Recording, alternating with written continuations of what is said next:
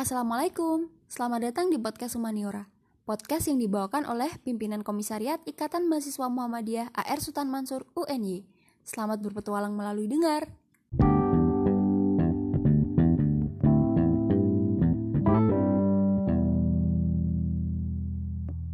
Halo, sore ini kita bakal ngobrol-ngobrol sama Putri Yang saat ini menempuh pendidikan di uh, Biologi UGM Universitas Gajah Mada dan kita bakal ngomongin soal terumbu karang of course. Jadi kalau kenapa kita mau ngomongin terumbu karang? Karena sebenarnya di Indonesia banyak banget kan terumbu karang. Cuman kayak dan bakal ada banyak manfaat yang disebabkan oleh terumbu karang ini juga. Tapi sayangnya masih banyak regulasi-regulasi ataupun uh, oknum-oknum tertentu yang nggak pro sama terumbu karang itu sendiri dan akhirnya malah merusak terumbu karang kebermanfaatannya kurang dirasakan dan banyak orang yang kurang aware terhadap keberadaan terumbu karang dan manfaatnya itu sendiri jadi kita bakal ngobrol-ngobrol soal itu hari ini sama Putri Hai Putri, hai. Halo, halo, halo semua pendengar setia. Iya, iya. Padahal ya kita masih working on ini pendengarnya. Oke. Okay. oke okay, mau nanya dulu nih kan mungkin masih banyak orang yang belum tahu mungkin sekedar tahu terumbu karang oh terumbu karang kayak gitu. Tapi sebenarnya apa sih terumbu karang itu? Kan mungkin sangat mungkin beberapa orang tuh masih punya miskonsepsi atau nggak tahu terkait apa itu terumbu karang. Jadi apa tuh Oke, jadi uh, sebenarnya aku gak bakal nyeritain banyak banget dan dalam banget karena mungkin kalau dalam juga jatuhnya malah jadi awkward, hah, hah gitu kan. Jadi aku akan jelasin sedikit aja dan di permukaannya aja gitu. Hmm. Jadi uh, mungkin banyak orang yang salah persepsi uh, tentang terumbu karang gitu. Mereka hmm. kira terumbu karang itu batu.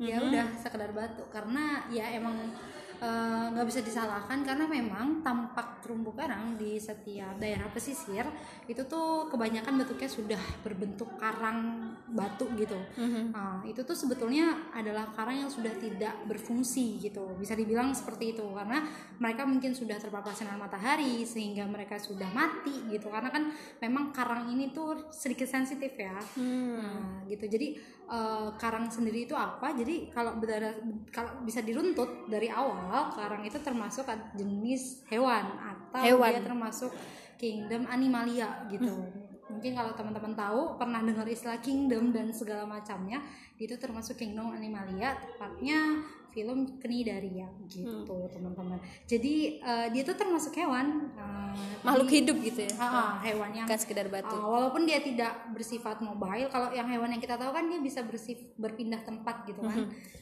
Tapi dia tetap uh, bagian dari kingdom animalia gitu. Okay, I see. Oh ya put, kalau ini nih kan uh, biasanya nih mungkin kalau pada nyari-nyari gitu di Google atau apa selain terumbu karang tuh juga dikenal sebagai kayak coral reef kayak gitu. Itu bener nggak? Itu sama nggak? Coral reef sama terumbu karang? Oke okay, uh, eh, di sini uh, aku mau jelasin sedikit. Jadi uh, sebetulnya itu ada yang namanya coral ada yang namanya coral reef. Apa perbedaan keduanya? Itu adalah bedanya cuma letak di sini. Kalau koral atau karang itu tuh dia tampil sebagai satu individu saja satu hmm. individu karang nah kalau coral reef apa kalau coral reef itu hanya eh dia yang berkumpul menjadi suatu komunitas ah, suatu komunitas iya, iya. namanya coral reef dan yang hanya bisa membentuk coral reef adalah uh, terumbu uh, karang hmm. individu karang yang berada di daerah tropis saja jadi oh. untuk di daerah temperate, untuk di daerah negara dengan empat musim itu tidak bisa membentuk yang namanya uh, coral reef karena apa? Jenis karangnya. Jadi karang itu sebetulnya secara umum itu ada dua. Ada yang namanya ahermatipik dan ada yang namanya hermatipik mm-hmm. nah dia itu nanti juga inisiasinya akan ke warna. Jadi karang yang ada di tropis itu akan membentuk karang-karang yang lebih banyak warna. Nah, iya, lebih iya. berwarna. Dia bisa membentuk uh, apa komunitas. Karena apa? Dia punya uh, di dalam jaringannya dia punya uh, dia berinteraksi dengan uh, zooplankton yang namanya eh fitoplankton maaf yang namanya zooxanthellae gitu.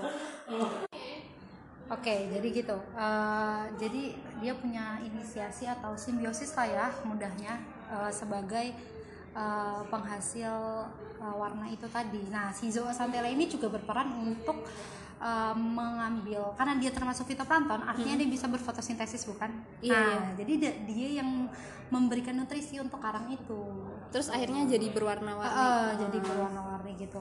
Nah, karena dia punya zat warna juga si zoosantella itu, jadi dia bisa menghasilkan warna, tampilan warna.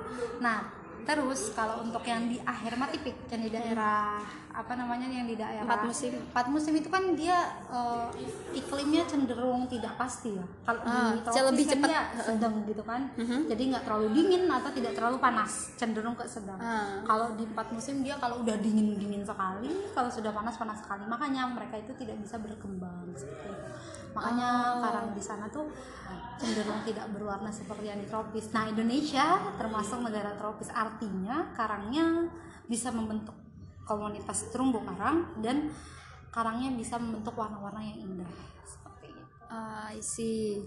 Waduh, baru sampai sini aja udah banyak banget informasinya ya Allah, gimana ini? Ya, lanjut lagi.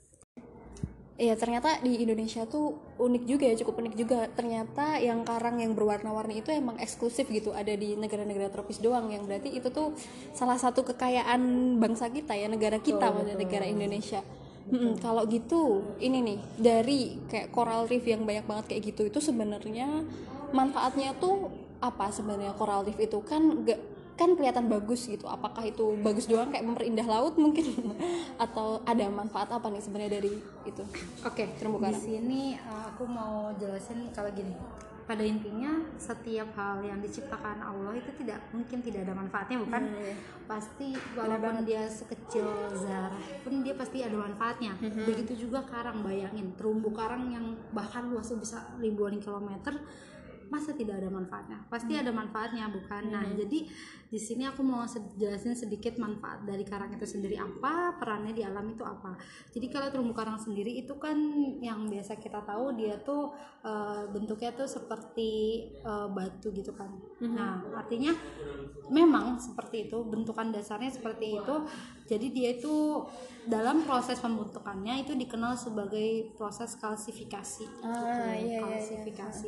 Nah, jadi apa? Jadi kalsifikasi itu adalah pembentukan eh, karang atau bagian karang pengerasan itu yang berasal dari campuran dari ion CO2 dengan C- eh, ion eh, apa namanya?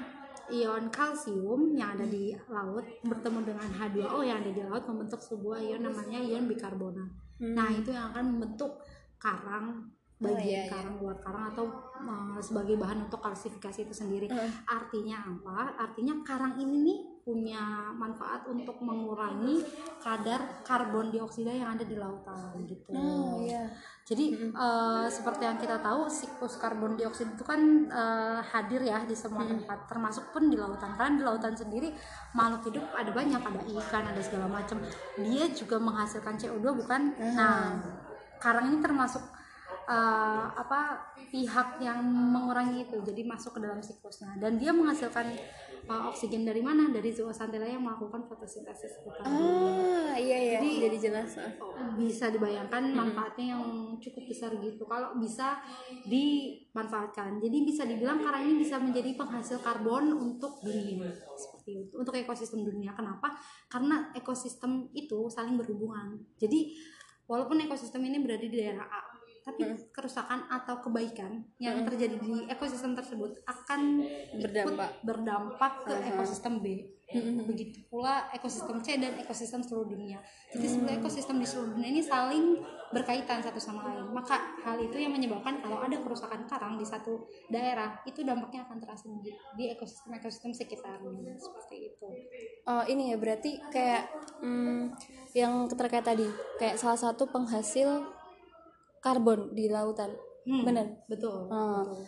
kalau kayak gini eh, karbonnya itu apa karbon monoksida atau karbon dioksida atau karbon karbon gini em, karbon itu adalah sebuah atom. Aha. nah dia itu penyusun banyak senyawa. Iya iya. Bisa karbon dioksida, bisa monoksida, bisa karbohidrat, bisa hampir seluruh bagian tubuh baik tubuh tumbuhan, tubuh hewan segala macam itu tersusun atas atom karbon. ah I see Ha, ha, ha. Jadi eh, maksudnya penghasil karbon di sini itu uh, alam ini tuh tidak bisa memungkiri kalau alam ini tuh butuh uh, Karbon juga. karbon juga ah I see biasanya karbon itu dihasilkan oleh uh, hutan-hutan tropis gitu Mm-mm. jadi uh, dia itu bisa menghasilkan uh, apa namanya uh, apa karbon yang banyak gitu. Bisa menangkap CO2 bisa menangkap uh, segala macam. Jadi uh, segala yang di alam ini bisa seimbang istilahnya Aha. seperti itu. tapi karena karbon di alam ini eh hutan di alam ini juga sudah banyak yang ditebang segala macam sebenarnya terumbu karang juga bisa menjadikan hal itu mem, apa isya me- memainkan peran tersebut gitu. Selain- jadi penghasil karbon di laut gitu. Oh, oh, di laut di laut Hmm. seperti itu Berat- hal Berarti gini nggak bisa disimpulkan kalau misalnya karbonnya rusak kayak gitu. Berarti kemungkinan juga kita nggak bisa kayak berharap kalau ikannya bakal banyak juga ya di laut soalnya. Ya betul betul sekali karena sebenarnya karbon itu tuh bisa jadi nutrisi buat ikan. Mm-mm, ya. Bayangkan untuk eh, organisme-organisme kecil seperti plankton dan segala macamnya, Heeh. itu dia kan hanya bisa memakan nutrisi dalam bentuk atom atau senyawa yang Yang kecil rendah. banget ya. Mm-mm. Itu dia Hmm. bisa memberikan nutrisi itu. Ah, padahal ikan-ikan di laut banyak kan juga makannya dari fitoplankton sama zooplankton ya. Betul sekali. Ah, sebegitu dampaknya ya. Apalagi kan kayak negara Indonesia maksudku tuh yang kayak negara maritim gitu yang banyak Iya. nelayannya bla bla bla. Hal itu yang menyebabkan Indonesia menjadi negara dengan sektor perikanan cukup besar Iya dan ya, harusnya. cukup Mm-mm. besar. Tapi Karena kalau- kekayaan terumbu karangnya yang juga besar. tapi bakal sayang banget berarti kalau misalnya semakin banyak orang yang nggak aware atau nggak peduli sama kayak terumbu karang ini kayak Yap, gitu. betul. Bisa dibilang terumbu karang ini kayak hutannya di daratan. Iya, ha, ya. Hmm. Hutan di daratan menjadi sumber makanan bukan buat orang-orang di sekitarnya. Iya. Pohon, orang makan dari padi, dari pohon kan. Orang makan buah-buahan dari pohon, dari Dari tanaman-tanaman itu kan karbon. Karbohidrat kan adalah bagian dari karbon. atom karbonnya. Mm-mm. Bakal merugikan banget berarti nih. Aduh, parah juga ya. Nah, kalau di Indonesia gini kan apa tadi ya eh, salah satu tempat yang terumbu karangnya itu yang paling diverse, yang paling warna-warni, paling makanya juga ikannya juga banyak juga di Indonesia kayak gitu. Nah, ini tuh eh, kalau di Indonesia sendiri kayak seberapa jauh sebenarnya orang-orang kayak memanfaatkan ataupun memberlakukan terumbu karang yang ada di Indonesia seberapa jauh? Oke, Hmm, sebetulnya sudah banyak banget eh, hukum atau hmm, peraturan pemerintah yang menjelaskan tentang pemanfaatan terumbu karang ini. Tapi pemanfaatannya itu pada kenyataannya belum persis seperti apa yang diharapkan. Oh, gitu. belum signifikan gitu ya. Betul sekali. Eh, apalagi ditambah lagi dengan beberapa beberapa kasus pengebon pengeboman, Ahaha, pengambilan iya, ikan ilegal Iya. yang dilakukan dengan bom.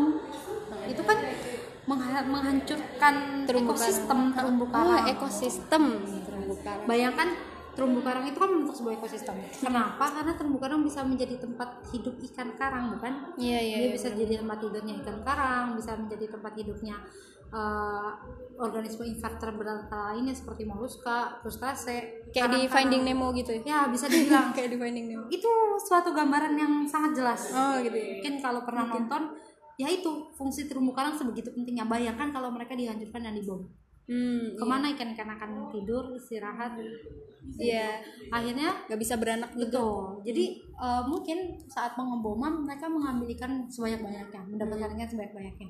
Tapi dengan pengeboman, pengeboman itu mereka artinya menghancurkan rumah ikan itu.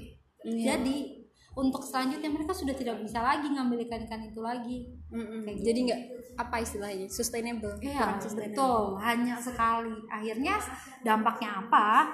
Terumbu karang Indonesia yang luasnya hampir berjuta kilometer ini hanya beberapa persen saja bahkan di bawah 50 persen yang sehat. Oh, Sisanya sudah sudah rusak-rusak, Rusak, tidak patah. sehat. betul. Akhirnya tidak bisa menjalankan fungsinya dengan baik. Nah, ini sebenarnya juga kalau lebih jauh lagi malah ini sih ya kayak mungkin ekonomi buat orang-orang di pesisir kayak gitu yang bergantung pada ikan nelayan. Pada akhirnya, Bergantung. pada akhirnya jumlah penangkapan ikan mereka akan juga menurun. ya sedikit ya berdampaknya ke manusia lagi. ya. Betul, betul, betul.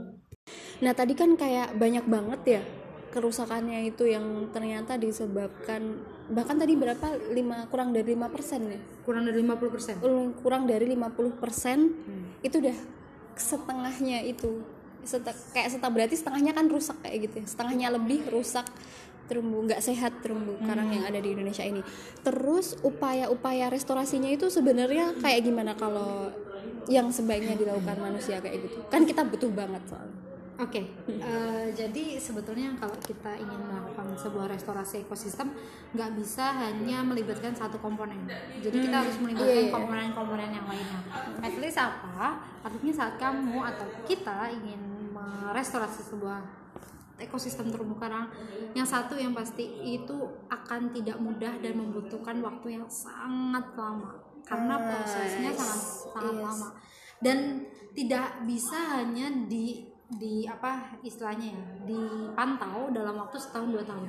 Membutuhkan waktu yang lebih lama lagi. Iya bentuk terumbu karangnya sendiri Iya. juga lama banget ya. Jangan jangan dipikir semudah itu gitu. Kamu bisa merusak secepat itu tapi kamu tidak bisa mengembalikan fungsinya semudah Secepat itu, itu, ha-ha. makanya eh, yang pasti kalau ingin merestorasi bisa dari awal. Eh, sudah banyak kok eh, beberapa instansi NGO mungkin yang bergerak di bidang tersebut gitu. Contohnya eh, yang aku tahu ya Biorok Indonesia. Eh, itu salah satu NGO yang bergerak di bidang itu. Eh, cuman eh, mungkin kalau bisa dikembangkan akan lebih baik lagi. Mereka itu mendapatkan memang eh, apa restorasi terumbu karang itu tidak tidak membutuhkan biaya yang sedikit ya. Dia membutuhkan biaya yang banyak. Tapi hampir banyak perusahaan di dunia eh, itu eh, membayar membayar itu karena Dananya. pentingnya. Mhm, I sangat begitu pentingnya fungsi dari terumbu karang itu sendiri.